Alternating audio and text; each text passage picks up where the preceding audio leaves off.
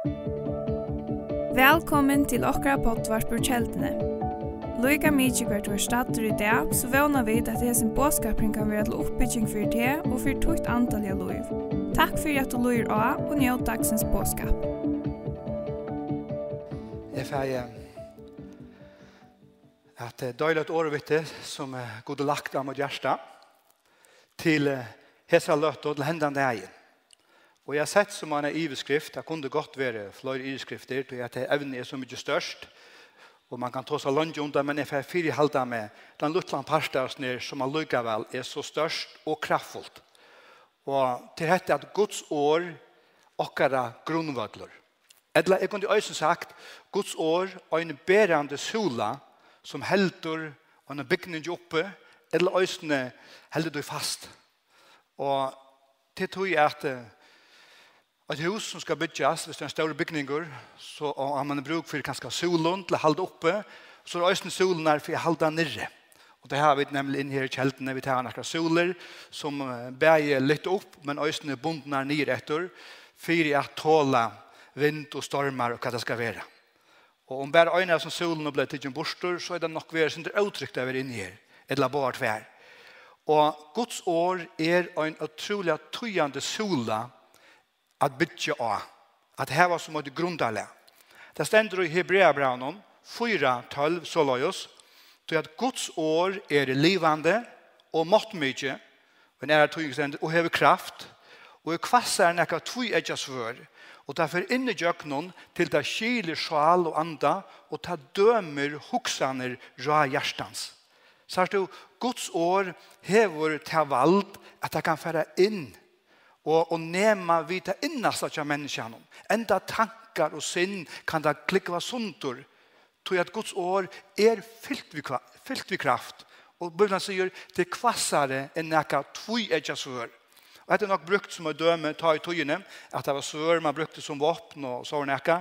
Og det ble samanlokna vi svør som, som bare fer i jøkna, og som hever et vald. Og så løs er øysen i år Guds og i det. Det hever en kraft.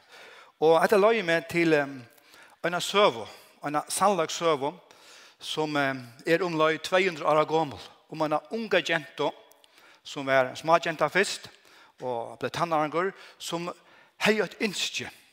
Og dette er søvan om Mary Jones. Og kanskje fløyre har hørt om disse her jente ur Wales, som uh, levde i en fatakrom boje i Wales, og ikke nekker innbyggere, og familien var fatøk, og da var det så at da var man veldig fatøkker.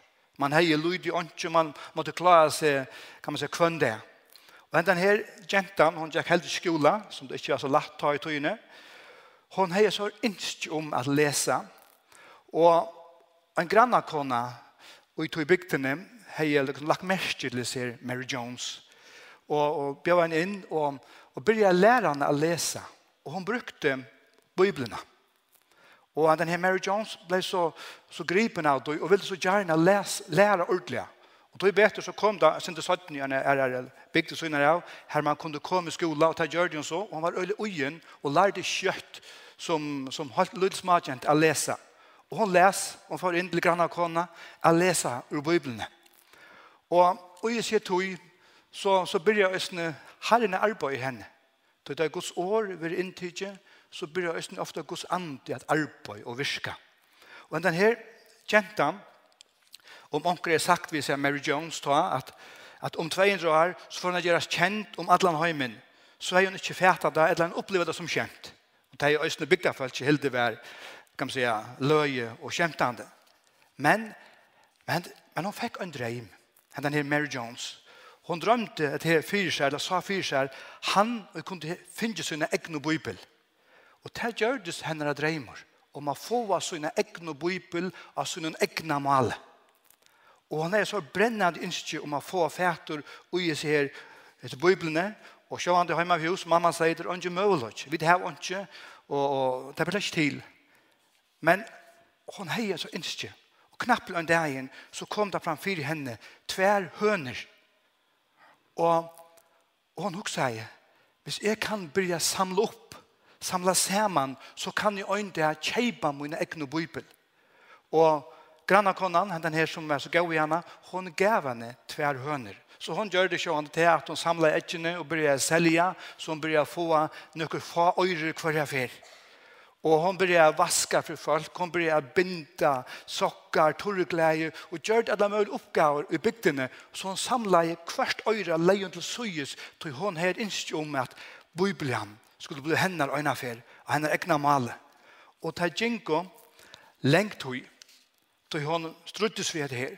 Ja, ta ginko høyle seks år, ta kjent hun, nu har vi nok for henne biblia. Og jeg hukse, hvordan jeg okkon hadde brukt seks år om å samla okkon fire, å få okkara bibel. Hon brukte seks år, og ta var han bliven 16 år. Jeg husker at som smagjenta, 8 år, 8 år gammel, jeg byrja samle opp og ble tannarengor. Hvordan kjøtt kunne man ikke mist en drein og jøkken alle disse her løtene og løgene og kanskje huske, ja, men jeg kan bruke penger enn noe annet. Hun miste ikke dreimen om at en dag skal jeg få av mine egne bibler. Du har måttet til grannakonna og til omkring å lese for at um, få av fætter og såret for at inntekka det. Og så kom det her. Og hun får så, nok være anker som har hatt bøybler her, en prest eller et annet, at jeg kjøper seg bøybler, men hvert, her var han ikke bøybler å få. Og huksa der, jeg har spart opp, men jeg får ikke bøybler, han ikke få. Men nå fikk jeg vite i granna bygdene, her selte en prester bøybler. Men granna bygdene var gode 40 kilometer bort fra her hun boe, og det er ikke med det at du teker bare en taxi eller bussen. Men ta hver åndsje, jeg røyser vi. Så hon måtte til gongo. La genge seg her, må hun fjørde kilometer her. Og hon er omgatt verje. Man kom ikke lengt ut her, man ikke kunne røysa så løs. Men som 16 år gammel, så får hun sted, vi tog som hun spart opp, og gikk til seg grannabygdene, og hun tog enda skegvannet av, så hun bær, hun gikk bærfød, bærfød, i omgående. Og jeg husker for meg hvordan ilt hun har haft. Du hun er gynnsi ganske knorslått om vei og alt det her som tar i verre. ganske, ikke så lagt av gynnsi Men hun heier en dreim, og hun sa fyrir seg, jeg vil heva mine egne biblio. Hun kom til bygdene, for innblendan her presten som selgde biblier, og sier vi henne, jeg er kommet, jeg kjeipa noen biblio. Og presten sier, jeg har jo unga biblio. Jeg har bare øyne etter, jeg har selgt alle, og jeg sier, jeg har jo lova til omkran. Og henne her, kjente han hon som ble så ulykkelig og greit, og fortalte henne presten ja, men jeg har spart opp i seks år. Jeg har gynnt alle hendene lenge av veien. Jeg skal også gjenge hjemme etter er av 40 kilometer. Det har blitt om man får først kilometer. Og da presten hørte disse søvnene, så sier han, hva skal du skal få disse biblene. Du skal bare kjøpe. Jeg skal finne en ære løs til hendene her personen som, som øyre sier. Og hun får lukkelige sted. Hun er spart opp, og nå har jeg finnet sine og biblier. Og jeg husker, Hvordan dyrer bær henne Bibelen må ha vært for Mary Jones? Ta henne bruk sånne orsko på å få fæter i årene. Men de har haft jeg tror han tøttning for henne at her var givet så nekv, offra så nekv, og gjør sånn innsatt for årene. Og så husker jeg med meg selv om dere landet i det. Hvordan jeg dere har ikke flere bøyblier hjemme ved hus. Og ganske flere, det stander bare her. Og det som hender ned søvann gjør meg, det er at det er personer som har sett at Guds år er annerledes. Det er nekka vi årene som er må ha fætter i. Og det er også min bøn her, jeg vet ikke opp nekka ut her og mer om dette, at Guds år hever kraft. Guds år hever en tydning og ta taler ännu det, selv om det er tveit akkurat i morgen fyra det snar, så er det stadigvæk kraftfullt. Og enda søvann enda det skjer, men det er sånn her presten hos sier, Kan det være meningen at det skal være så torsførst å få fætter i en biblia i ørene. Og det er han som var funnet i England sammen med øren, løyeren, så fortalte han søvende. Og det som ble avløng av oss her, som, som Mary Jones har gjort, det var til at vi må sette stående og bibelfelle, så vi kunne få bibelene ut om atlan heim og egna male. jo, Mary Jones visste ikke av at hun var vidt til å gjøre at bibler, biblefelet blir sett av stån for å få biblene ut til alle mennesker. Til hon er hun grett. Hon vet ikke alt at hon skriver en søvå. 200 år 18 år, og i det så er det mer enn, en mer enn 200 bibelfeller som har som hjertemål å få året ut vegna til at det var en ung jenta, Mary Jones, som hei så, så utne passion for at jeg må få av min egne bibel. Sørst du?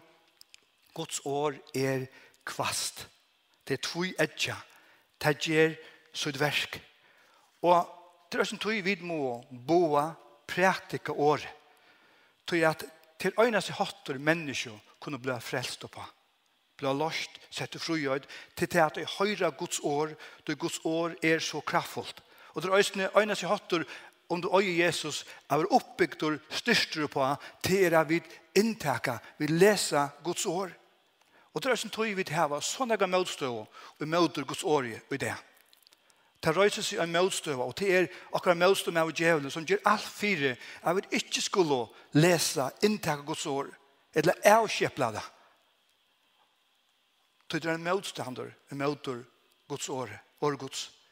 Djevelen heter Guds år. Han tål det ikke. Det er minner han av at han er sikraur, at han er ivervunnen, av Jesus Kristus som ble året og i holdt. Og tog er det området.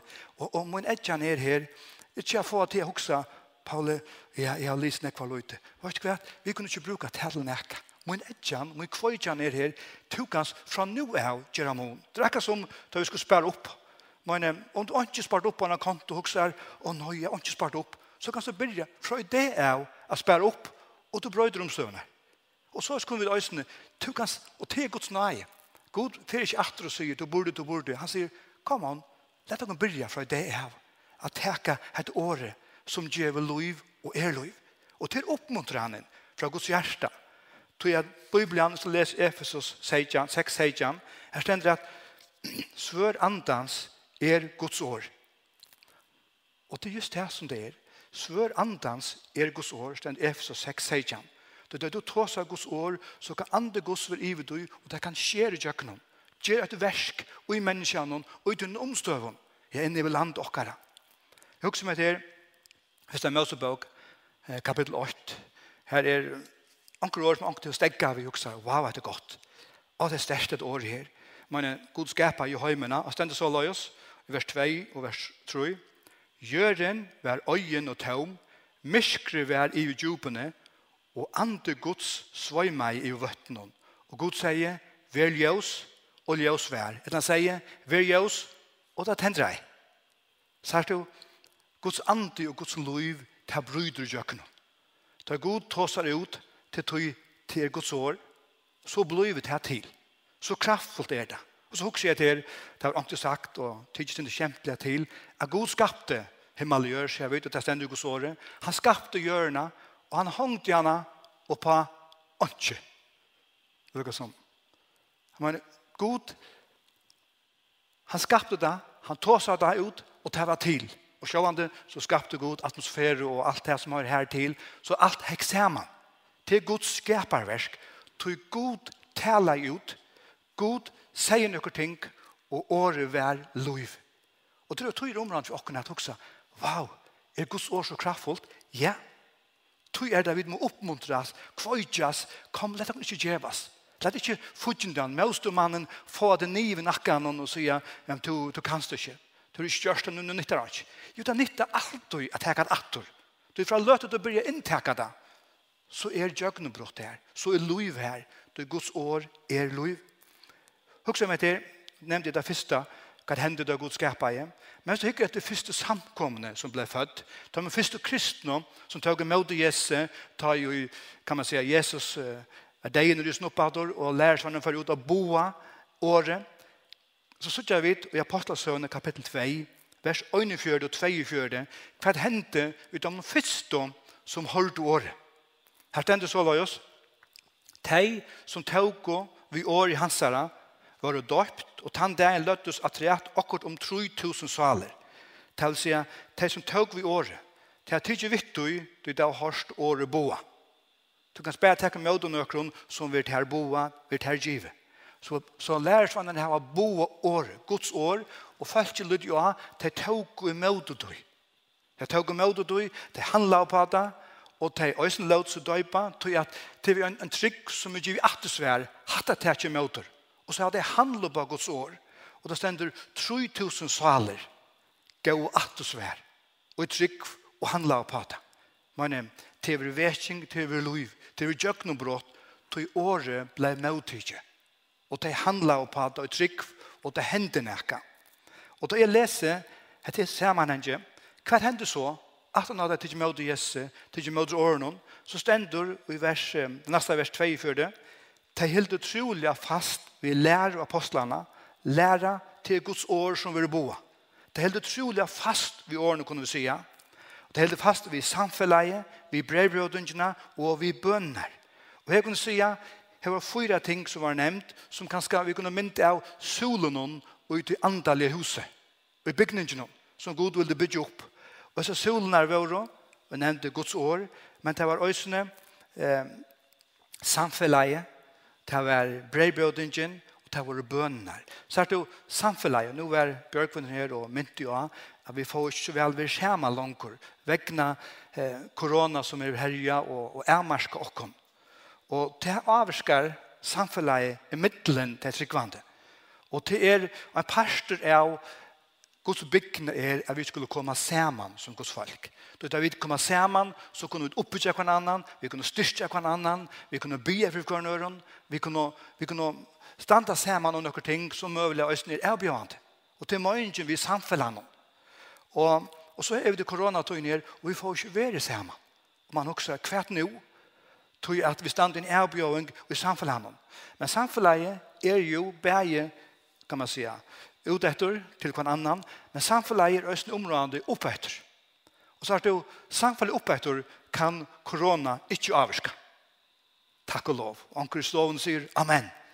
Samfunnet opp etter kan korona eller æresøtter, sjuker, ikke forstyrre eller ledje. Men det kan enda bli bedre. Bare om vi ikke er det rette og finner ut at nå er jeg avmarskaver, men nå kan jeg gjøre noe annet. Jeg kan bare Lata mig samfella etter styrkjas vi at inntak året, vi sammen vi har herran till att till det som vi samfunnet gjør, til till etter, men til øyne opp etter. Och så har vi ett her, här att brevbrödungarna, hur brevbrödungarna Jo brevbrødningen minner dere når han deier jesar og opprørs hansara og at han øyne det skal komme attor.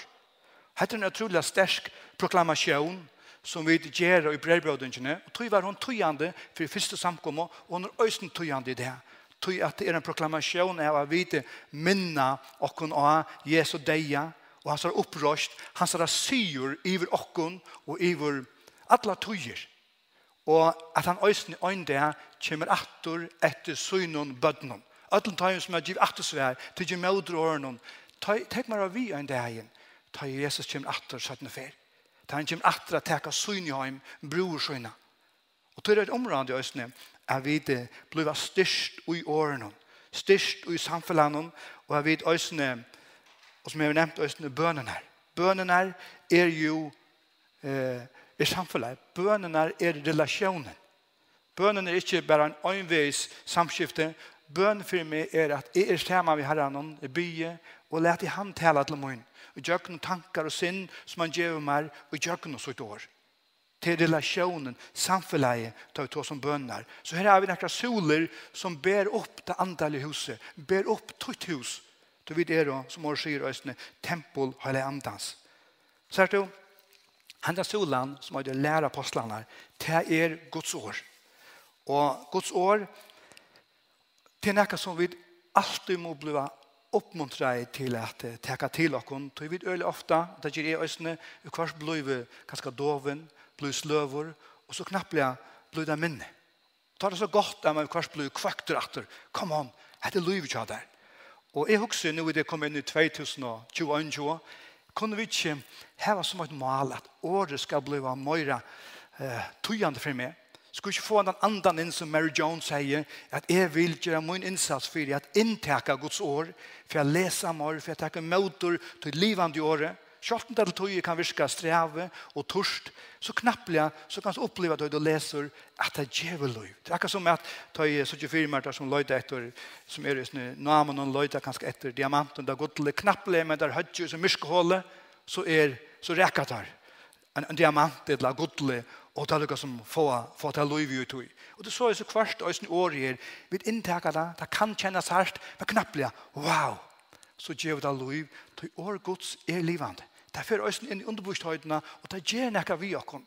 Øysen da vi lærer til å kjenne, og vi um, inntekker det atter og atter. Så lett 2021 år har vi tekket med tøy. Tøy at Guds år, da vi tekket det inn, det avvirskar alt. Det avvirskar øysen i okra land.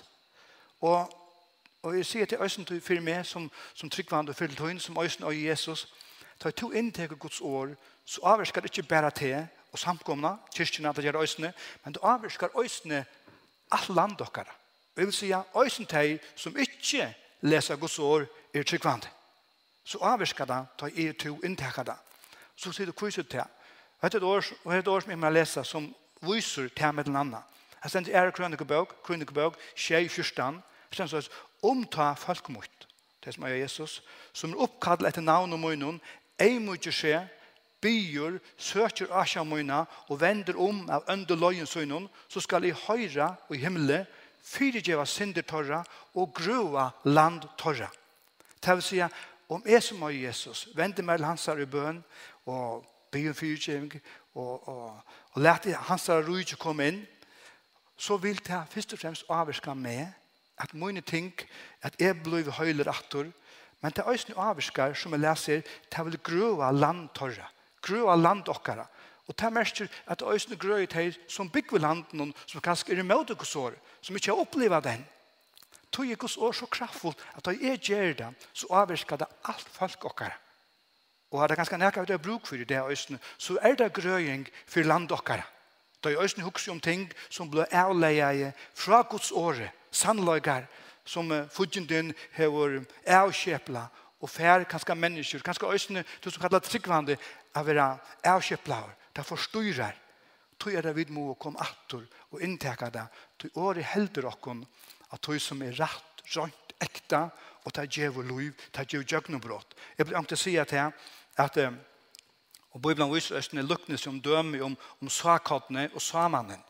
Men jeg heter Lutla, at den lukkas åtta og ut etter, fra vers 5 ut etter. Hette luttla sakaden. Lett å si at det er sakaden som jeg har, det var som jeg har, det som lydde, er det sureplatser ja. Og etter sakaden som jeg har her, om jeg plante til her nere i paddelen her, her teppet, ja, og, og legger til her på så kan jeg boja så langt som jeg vil, og enda prøve å vete det. Det vil ikke vekse opp her tog at hette er ikke omkvarve gjøren som hette sakatene vekser opp på. Men det som er avverst er at hette sakatene som nå vi tenker døme om kunne være sureplatser, sureplatser, det innehelper alt for å blive sureplatser. Alt er utøy som gjør at en dag, hvis det er rødt omstøver, så kan det vekse størst og størst, og sur blir vekse av. Alt er utøy, kjøtt så pikker løyde. Jo, vet at det er ikke lenger tog. Men det må man inne rette omkvarve for å vekse av Så spyrer det, så gjør det lov. Så er det Guds år, ta med østen inn i et omkvarve her det slipper å vekse. for at det skal gjøre det som du sendt til. for at det skal brøde kjøkkenøysene. Og hva er omkvarve for Guds året? Til tutt og mot hjertet. Jeg vil åpne noen hjertet opp for årene. Og til østen tog området jeg har et blett hjertet. Ikke av et herst hjerte som stånger i hav og som remoter, men et blett hjerte som åpner seg. Og til min bøn, til som sitter og lyr av, at du kan åpne ditt hjerte. Ikke standa det med, let året komme inn. Det blir som en sakkodd som vil spyre, som vil vekse. Og det vil djeva utfrian, djøknebrott, rett opp ting, enda relasjoner, tjonaband, og alt som du kan oppleva er torsført, kan Guds år sprønja, at du fralse. Og til området jeg vil sutja at, at det som skal til fire djøknebrott, for Guds åre til at jeg og to vi tackar med det til. Jeg vil inntekke det. Jo, som människa så lever vi ut det naturlige. Men det er deg. Men så er det Guds år er ivor naturligt, sier jeg långt. til. Det er ivor naturligt. Og til alle områdene er vi østene tryggva til. Og det er ofte det som kanskje er för for at året blir til liv for det. Det er det at du tror til tog at Guds år er ivnaturligt. Vi kan oppleva grøying, vi kan oppleva tekjen, under, utrojan, tog at, at året innehelder alt det. Til sjakåden som kunne boas inn, som gjør det her grøying, hals og utrojan fra ting som binder det. Det er bare området at du teker imot og du. Og jeg vet, ta i året vil boa, så kan dette sakene komme inn just her du sitter nå, og du kan teker imot og du. Du kan oppleva at det gjør en mån. er området er ikke ektast for deg. Jo, vi vet som ting kan ha gjort og skøyva en hatt, og det er ikke alltid vi som bor året har gjort det rett en hatt. Men, men det brøyder ikke at Guds år har sett valgt om en og gjør noen ting skal. Og til området er vi ikke ektast for deg, men vi åpner opp for deg. Det stender i Mattias 22, 22, og det var sadikeerne som kom til Jesus, og da de da diskutera med Jesus om ting som tar sjå og tar helt over skøft. Og tar tro nemlig ikke på opprørs. Og så sier Jesus vidt der, til de vittlas, til de kjenner ikke skriftene, de kjenner ikke året, og heldur Guds mått, heldur ikke Guds kraft, kunne vi si, til vittlas der. Så er det til området, er vi øyne takke møter til Guds kraft som er i årene. Og vi øyne lærer akkurat å kjenne til mer trygg blod av det vi tog som Gud vil gjøre akkurat. Og det området, Jeg vil øyne lete dere fytle av i årene.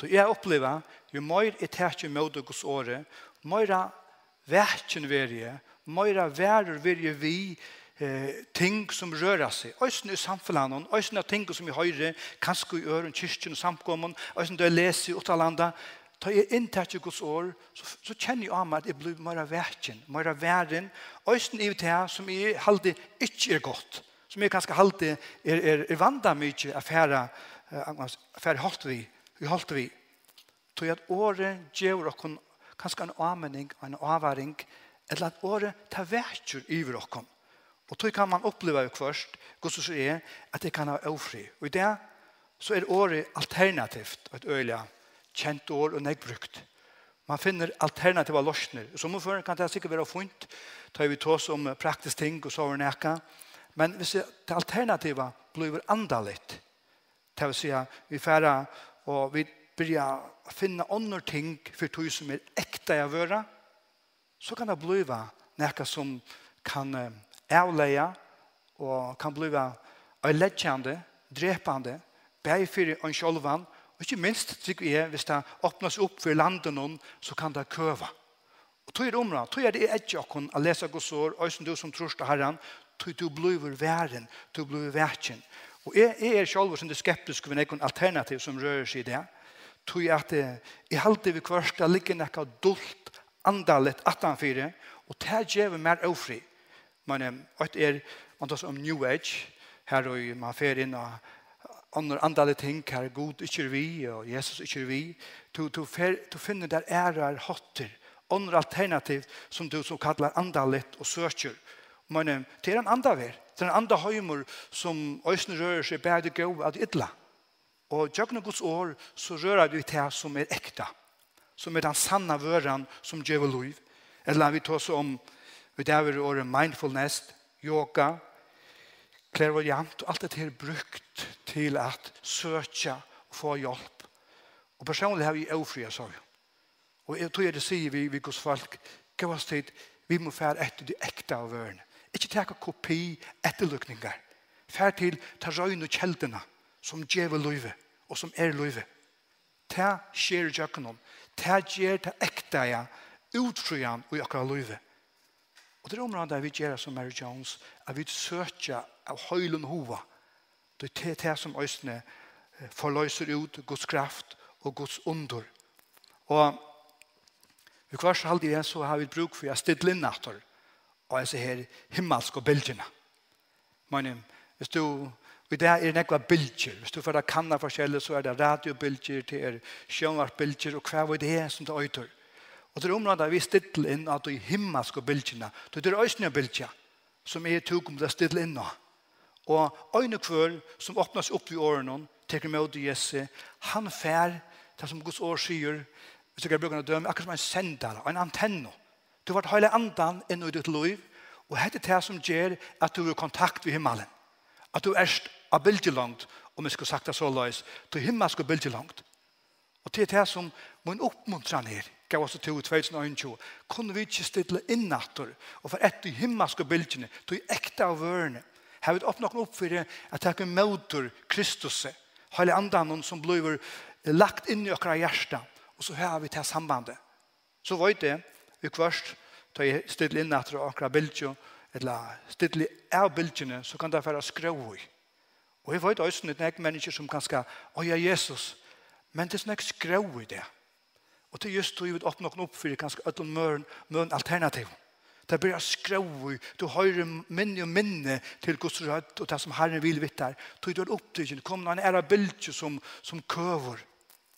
Og min bøn er at, er det som du høyre året Og det er det som hender da vi har året, vi kom inn natur av bildet langt. Det er som også hender det er at det blir akkurat som en forsterskare. Vi bruker ofte forsterskare til å få jovi herare, til å få musikken herare, og for å få han bättre. Men i Guds år vi kvørst avvirskar oss så det forsterskar disse himmelske bildet, kontakterna vi god. Det er det som virkar i Guds år. Det forsterskar. Tog jeg sier, så känns som vi byrja for etter årene og natter, så vil det skrøve for abort så vil du kunne skyne middelen til et eller annet det som ikke er godt for det, og du kan søle därifrån. Og så sier jeg også for meg at det er ganske mennesker som vår øyne for at det himmel skal bilde langt. Men akkurat kom inn, du får en av, av, langt inn, du får en av oss i bildene. Så er det jo, i det om du hører årgods, så er det tog at Herren vil heve til å tale.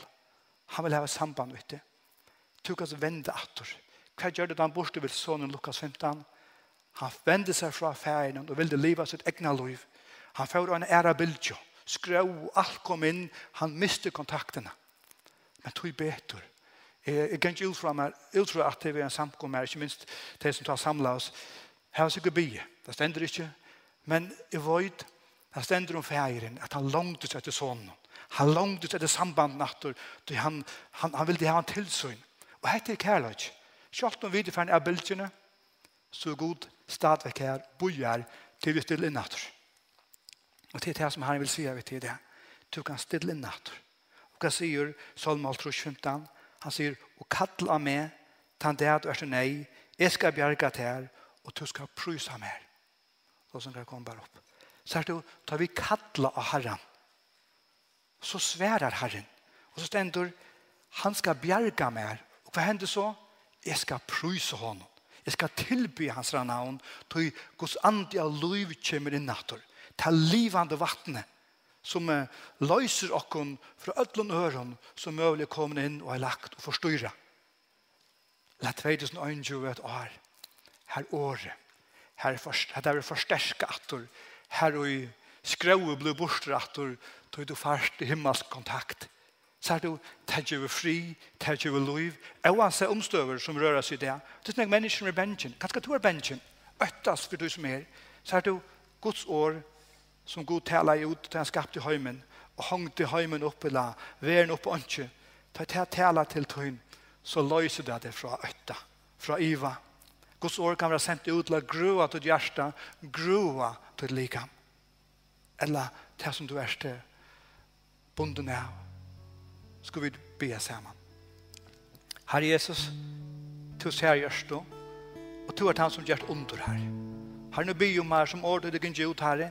Det ska få lov till Herre. In i hjärtat döpen. Se till fralse. Utfri, Herre. Herre, tack dig för att jag vet precis jag efter ören alternativen där det kommer till andalet liv, samfället vi till, Herre. Herre, vi kan fylla oss med det äkta av öron. Og takk for at vi kjenner at ekte har vært bedre, så kunne vi enda bedre søla fra Herre. Og nå byr om Herre, vi skal få en av tog i okkara, okkara land i Herre, at det er grøying Herre, at det er vært opprattan Herre, Herre, at det, at det som ikke er ekte, vil søla ut Herre. Og byr for okkara som Guds folk Herre, at vi skulle doa røys okkara opp Herre. Herre, fyrir okkara synder okkara, fyrir okkara vi har mistet Herre, vi har sleppt Herre. Takk for Herre, da vi vender okkara til tøyne Herre, så kommer grøyingen inn Herre. Nu takk deg fyrir herre at du vil grøying og du vil grøying til land okkara og i snu er 2021 herre. Ta så liv ta oss utfri han herre og opprett ham og Jesu navn. Amen.